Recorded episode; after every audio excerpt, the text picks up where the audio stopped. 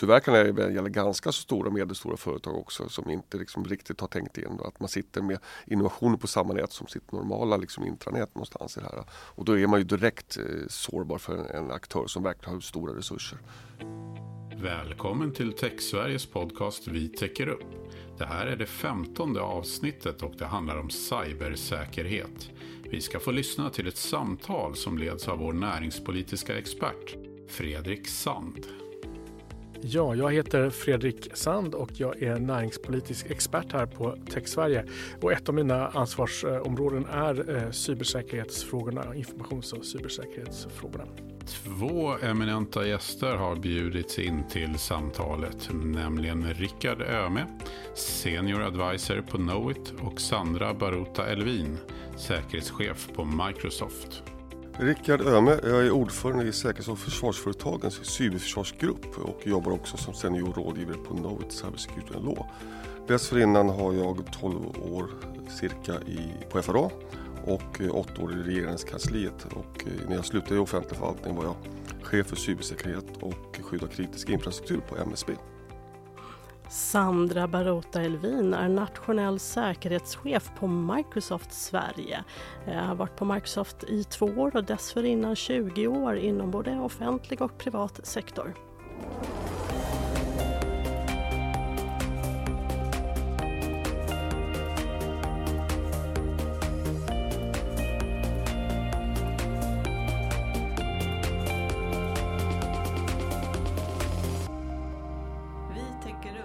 Tack så hemskt mycket för att ni ville komma hit och diskutera de här frågorna. Vi gör ju det i en väldigt allvarlig inramning. Under förra året så var det några väldigt uppmärksammade attacker i Sverige och nu sitter vi här med eh, Rysslands eh, fortsatta och förnyade invasion av Ukraina och de eh, hemska bilder och det vi ser därifrån. Men där har ju också frågan om cybersäkerhet, cyberkrigföring varit högt på agendan. Så det kanske vi kan börja lite grann i den änden. Vad har vi sett här i inledning, inledningen av det här kriget som har pågått nu faktiskt över två månader i den här fasen? Ska vi fråga dig lite grann? Microsoft är ett stort eh, företag eh, Sandra och ni har väl haft eh, folk på marken eller saker, verksamhet där helt enkelt? Absolut. Jag menar, vi hade såklart verksamhet. Eh, vi har ju verksamhet i de flesta länder och hade det även i Ukraina redan innan konflikten. Men under konflikten så har vi fått hjälpa både ukrainska, ehm, alltså staten och samhället och också privata organisationer extra mycket eh, handgripligen då med att eh, hantera konflikten. Det har ju varit enorma angrepp mot eh, kritisk infrastruktur, kommunikationsinfrastruktur och så vidare där vi har varit behjälpliga med att både återställa infrastruktur men också med att eh, flytta data exempelvis. Det har varit en, en stor del men också hantera eh, en enorm flora av cyberattacker. Både informationsinhämtande attacker men också framför allt, vilket vi har sett i, i stor skala nu i liksom det senare skedet av konflikten, är ju destruktiva attacker. Mm, intressant. Då menar du att man är ute efter att förstöra datamängder? Eller Exakt, precis. Ja, det har ju varit mycket diskussioner eh, redan tidigare under förra året och i det här eh, krigsskedet. Då. Rickard, går det att säga någonting hur det här ehm, hur det påverkade din verksamhet och liknande i Sverige och hur, det här, hur har det här påverkat i branschen och frågeställningarna? Just säkerhets och försvarsföretagen är ju intimt förknippade med, med skyddet av svensk kritisk infrastruktur och samhällsviktig verksamhet. Och eh, redan innan det här skedde så var det ju väldigt många bolag som, som i stort sett var fulltecknade. Det, vi har ju en stor kompetensbrist i Sverige på de här förmågorna. Och det här drog ju egentligen kanske riktigt igång medan eh, folk kom upp med det här lilla eh, händelsen för Kalix eh, här som skedde som det blev väldigt stora rubriker kring och allting. Och redan där så började man se att, att även den kommunala nivån och andra nivåer kom igång och verkligen började oroa sig på riktigt för första gången. Men som sagt var, det, det, är väldigt utmanande för det finns en stor brist på resurser i, i, i Sverige och i världen när det gäller cybersäkerhetsexperter. Men hur yttrar det sig här då? Blir ni kontaktade? Folk börjar oroa sig och behöver hjälp? Eller vad, mer konkret? Ja, många av de företag som har mer operativ cybersäkerhet eh, gick ju på högvarv eh, så, som jag sett det och de gav, gick ännu mer på högvarv efter det. Och eh, där finns det ju en brist. Sen är det ju då eh, kravet på det här systematiska informations och cybersexarbetet det, det kommer lite senare egentligen. Nu vill folk egentligen täppa till de hål som finns. Grundproblemet är där, har du inte gjort din grundläxa från början så är det väldigt svårt. Har du till exempel en DDoS-attack mot eller något liknande så kanske du bör ha upphandlat någon form av kapacitet, eh, alltså sinkhole, alltså något som kan suga upp den här liksom, trafiken mot din verksamhet. Har du inte gjort det innan så, så är det för sent när det händer. Och det här tror jag, det, det, den talldanken upplever jag på kundsidan har trillat ner. Eh, där faktiskt.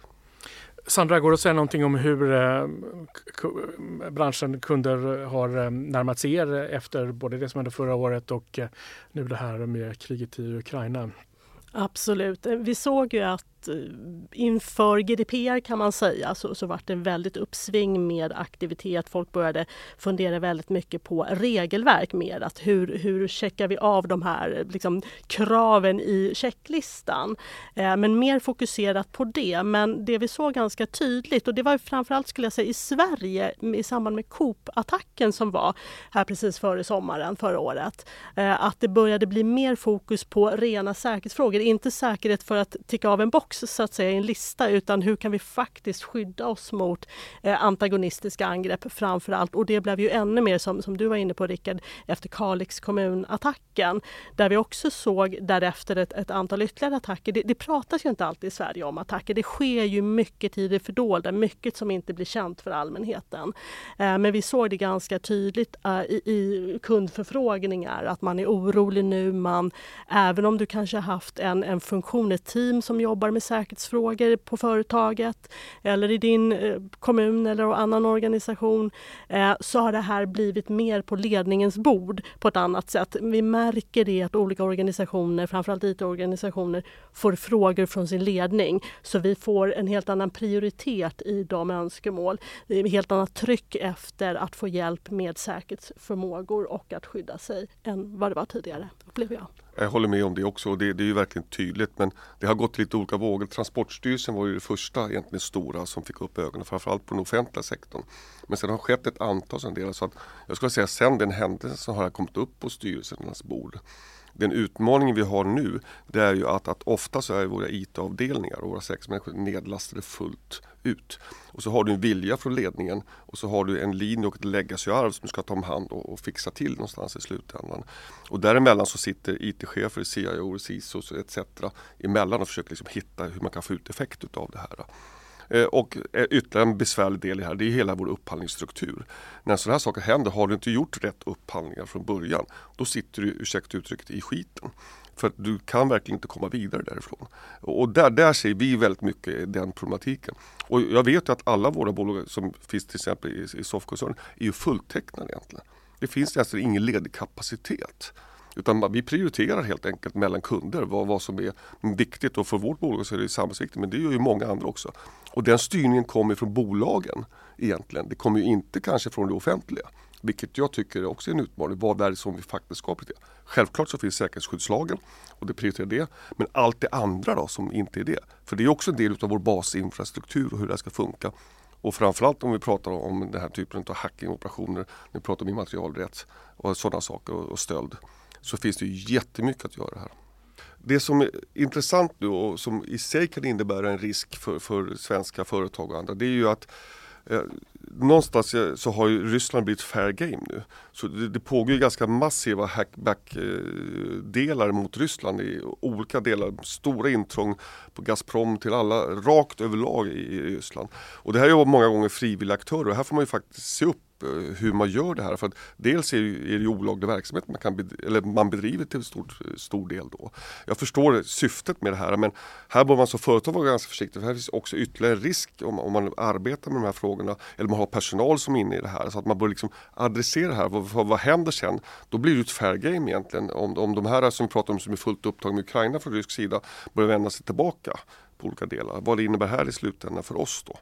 Eh, och eh, det där har jag inte riktigt bra svar på men jag ser en risk kring att det sker så oerhört mycket hackback egentligen mot Ryssland just nu. Och då tänker du på de här ganska uppmärksammade fallen där hackargrupper och sådana har gett sig på till exempel västföretag som fortfarande hade kvar verksamhet i, i Ryssland och man stal information från dem. Och är det den typen ja, av... Det, men, men framförallt också ryska företag. Man, man, ryska företag och myndigheter, man, det, det är fair game just nu. Alla kastas över här. Och jag tror att det finns en, håller med där, eh, finns en fara i att ta det grupper som Anonymous som är jättesvår att alla kan kalla sig för att vara del av Anonymous och, och liksom göra attacker under den flaggen. Vi ser också att det är olika dolda chattforum där man uppmanar och lär ut hur man gör attacker och så vidare. Även om, om det är vällovligt och, och motivet är liksom vällovligt så vet du inte säkert att det är liksom vad gör du, hur gör du det, varifrån gör du det, eh, så kan det slå fel. Dels kan du angripa fel företag som vi såg, eh, eller fel, det är en definitionsfråga, men att du angriper kanske företag som eh, där det finns rykte som säger att de stöttar Ryssland och så visar det sig att ryktet inte stämmer, så det kan vara eh, missriktat. Men det kan också vara så att du använder dig av infrastruktur som där Ryssland sen, precis som du säger Rickard, slår tillbaka. Och det kanske är så att du använder ditt företagsnätverk, det kanske är så att du har en bostadsrättsföreningsnätverk eh, eller vad det nu är för någonting som då blir angripet och att konsekvenserna blir för mer än bara dig själv. Eh, så jag tycker det är en viktig fråga just där att, att eh, det här är ett område man bör bevaka och vara aktsam för. Och du, du, kan ju om du är ett företag så kan du hitta mekanismer i din miljö som gör att du faktiskt kan förhindra den typen. Vi har ju varit ganska duktiga att låsa ut barnpornografi och andra saker fram och tillbaka. Du kan använda samma typ av metodik skulle jag anta på ett helt annat sätt för att skydda dig ditt företag mot det också i slutändan. Så här, man börjar ändå tänka på det för att sen har vi ett svenskt val som dyker upp snart igen här också då, och vad innebär det liksom i det här perspektivet och allting annat. Så det... Och inte bara det, vi kanske har en NATO-ansökningsprocess ja, just för, för, för, Först har vi en NATO-ansökningsprocess antagligen. Då. Precis, och vad det kommer att kunna tänkas innebära. Vi ser ju det, jag var inne på det tidigare just i, i Microsofts analyser att vi såg att det, det, var en hel del rysk aktivitet mot svenska intressen, svenska verksamheter eh, innan Ukraina-kriget blossade upp och sen varit det väldigt tydligt fokus mot Nato. Och det är ju någonting vi ser fortsatt att det är väldigt eh, hårt tryck mot Nato. Eh, men vad händer? Alltså har vi varit lite förskonade just nu från rysk sida för att man avvaktat lite och, och vill inte trycka oss mot Nato? Vad händer då om vi börjar närma oss Nato? Vad kommer hända då? Kommer man att försöka eh, påverka oss på något sätt? Eh, kommer man försöka, det kanske man redan gör, jag skulle bli förvånad om man inte gjorde det. Eh, man försöker infiltrera våra, framförallt regeringskansliet och liknande för att förstå vad händer? Hur ser den politiska diskussionen ut? Socialdemokraterna, vart är de på väg och så vidare? Hur ser strategin ut? Eh, redan innan, vilket sker i fördolda, det är sånt vi inte kommer få veta utan typiskt är en destruktiv attack får vi ju reda på väldigt snabbt. Man brukar prata om, eller vi ser nu att det tar två timmar från att man kommer in tills att man har börjat förstöra, och i vissa fall har, har förstört ett helt nätverk. Alltså komprometterat det och börjat släppa lös eh, destruktiva, eh, destruktiv skadlig kod.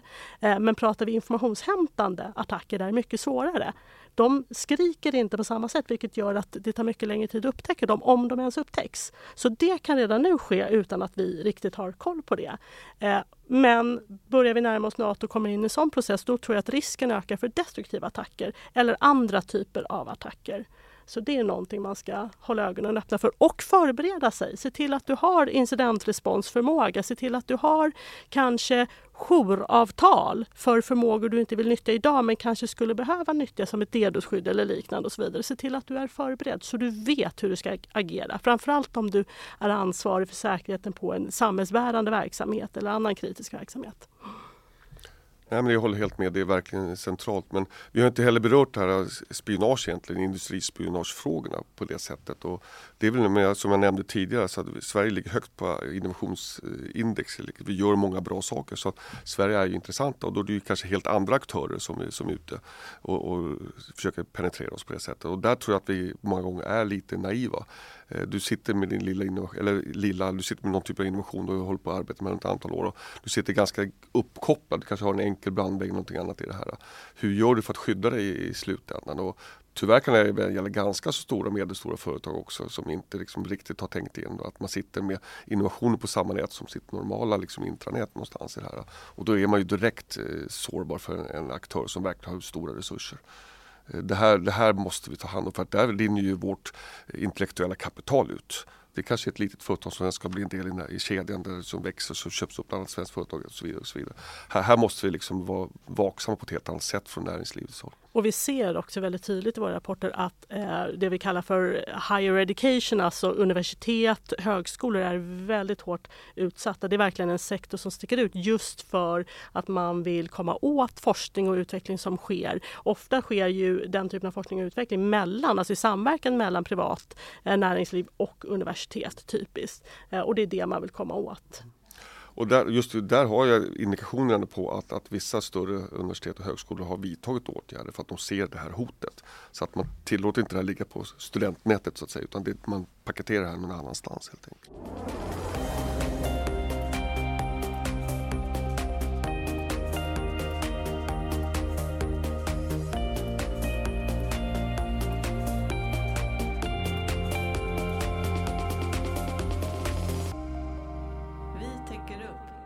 Hur ska man tänka kring de här frågorna? Då? Man, man tänker på de här ransomware-attackerna. De, de blir ganska uppenbara. Vi har låst dina filer, betala här och det, det, nyheter om det sprider sig ganska snabbt eller det blir ganska uppenbart. Man tänker att den här industrispionagehotbilden, det är mer, eh, man försöker verkligen gå under radarn och helst ska man inte upptäcka att eh, bli upptäckt när man har stulit information och sådär. Hur, hur ska man, är, det samma, är det samma recept för att motverka den här typen av eh, attacker? Nej, det, det, är det ju inte egentligen.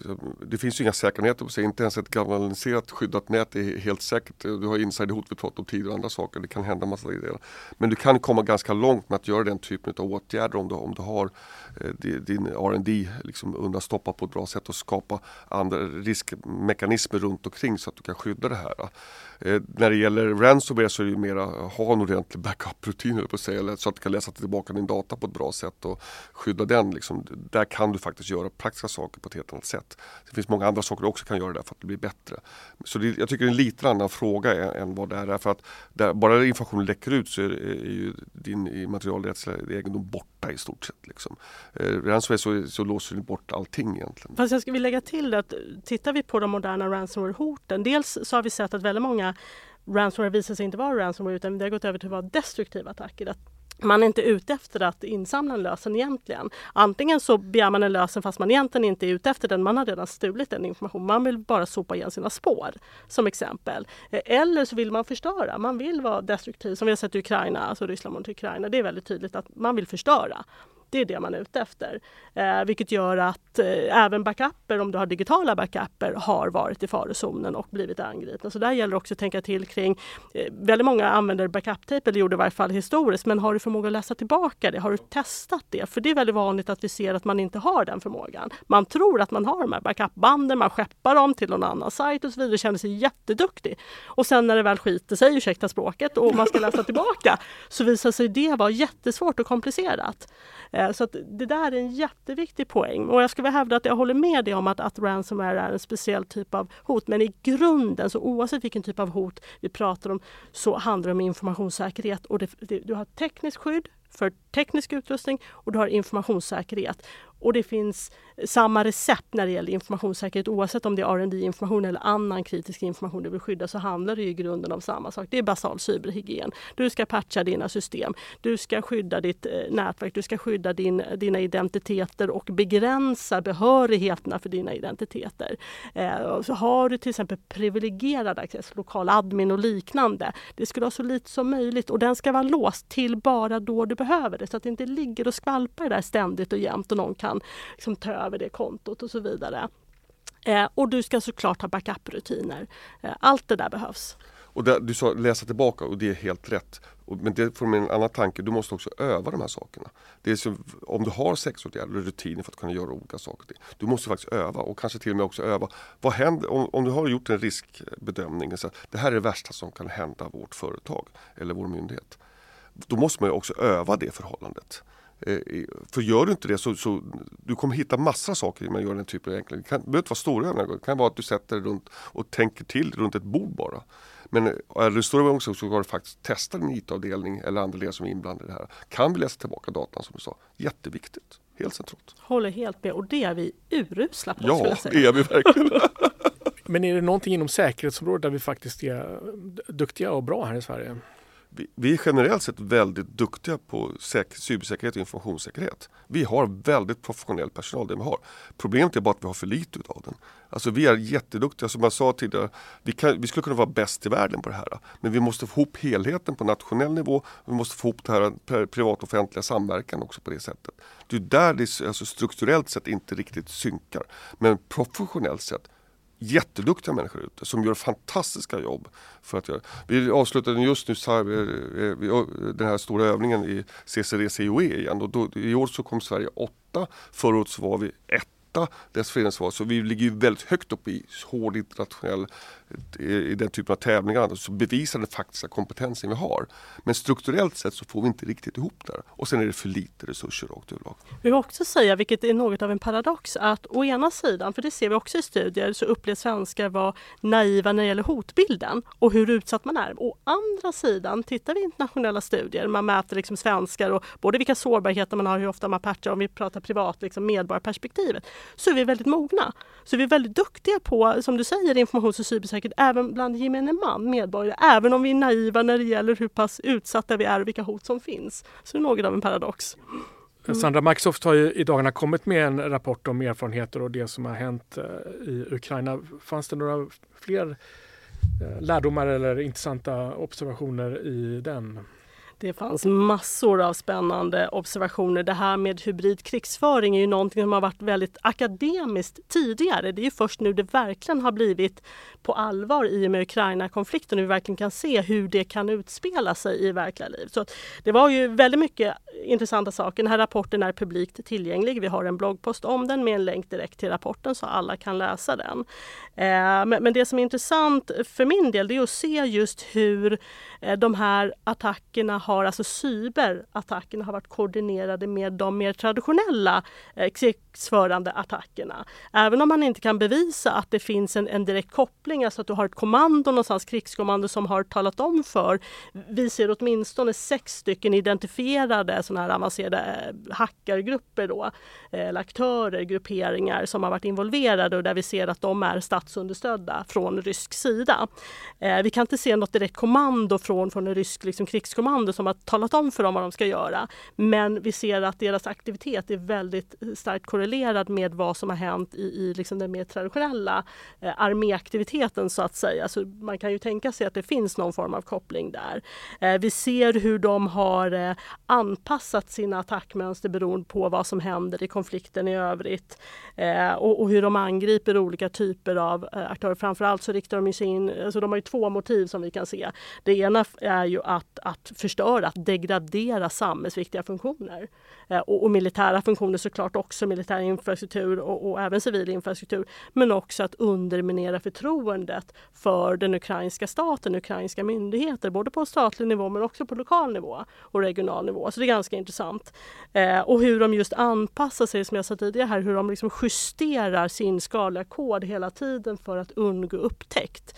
Eh, men också att de har blivit så destruktiva som de har blivit. Från början var det mer informationsinhämtning eller påverkande. Nu blir det mer destruktivt och det är det vi ser också om vi tittar på vad som händer eh, på marken så att säga. Så det är väldigt intressant. Vi ser också, eh, som jag var inne på tidigare, att, att eh, hur de har anpassat sig och hur de har riktat in sig inte bara mot Ukraina direkt utan också mot Nato som har varit involverade i det här.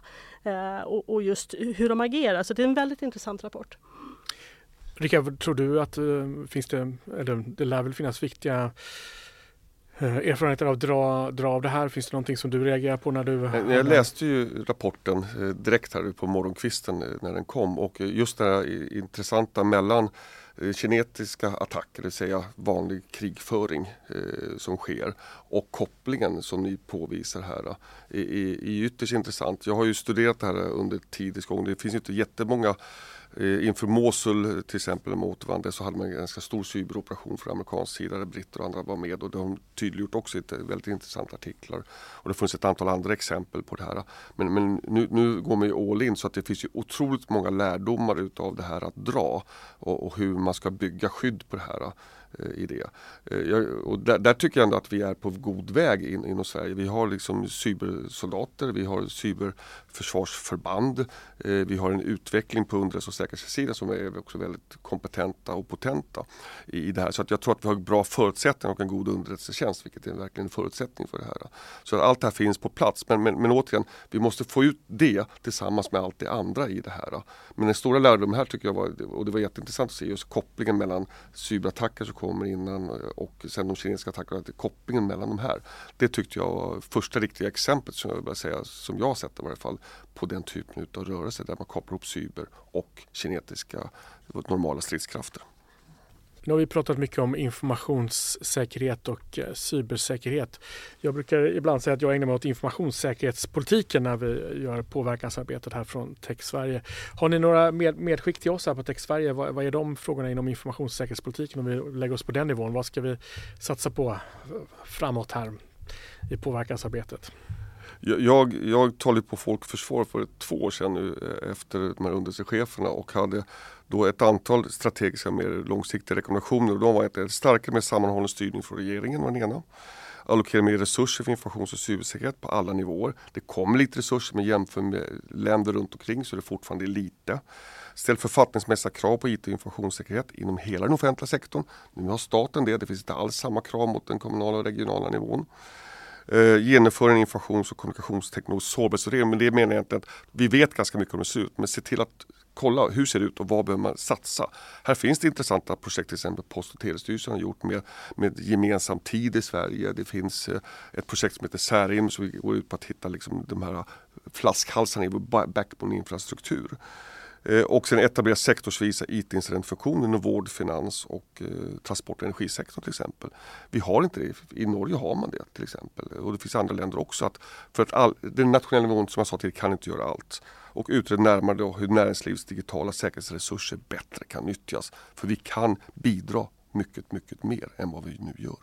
Jag håller helt med om att, att det privata eh, måste släppas in mer i, i samarbetet och kunna, alltså så att det offentliga kan dra nytta av den fantastiska kompetens och, och de förmågor som finns i det privata. Men jag vill se ännu mer fokus också. Jag håller med om allt du säger Rickard, men jag vill lägga till just den här kompetensförsörjningen och att jag skulle vilja se ett nationellt program för att verkligen ta ett snabbspår för att omutbilda kompetenta personer till just cybersäkerhetsfunktioner. För att alla de här sakerna vi pratar om när det gäller politisk vilja, det kräver, det tarvar resurser. Jag vill inte se mer krav. För jag tror att idag så kraven slår undan benen för väldigt många verksamheter. Statliga myndigheter, stora myndigheter klarar av det. De har resurserna. Tar du kommuner, eh, regioner och så vidare, har inte alls samma resurser. De har ofta små organisationer, de kanske är ute på landsbygden med inte samma tillgång till resurser och så vidare.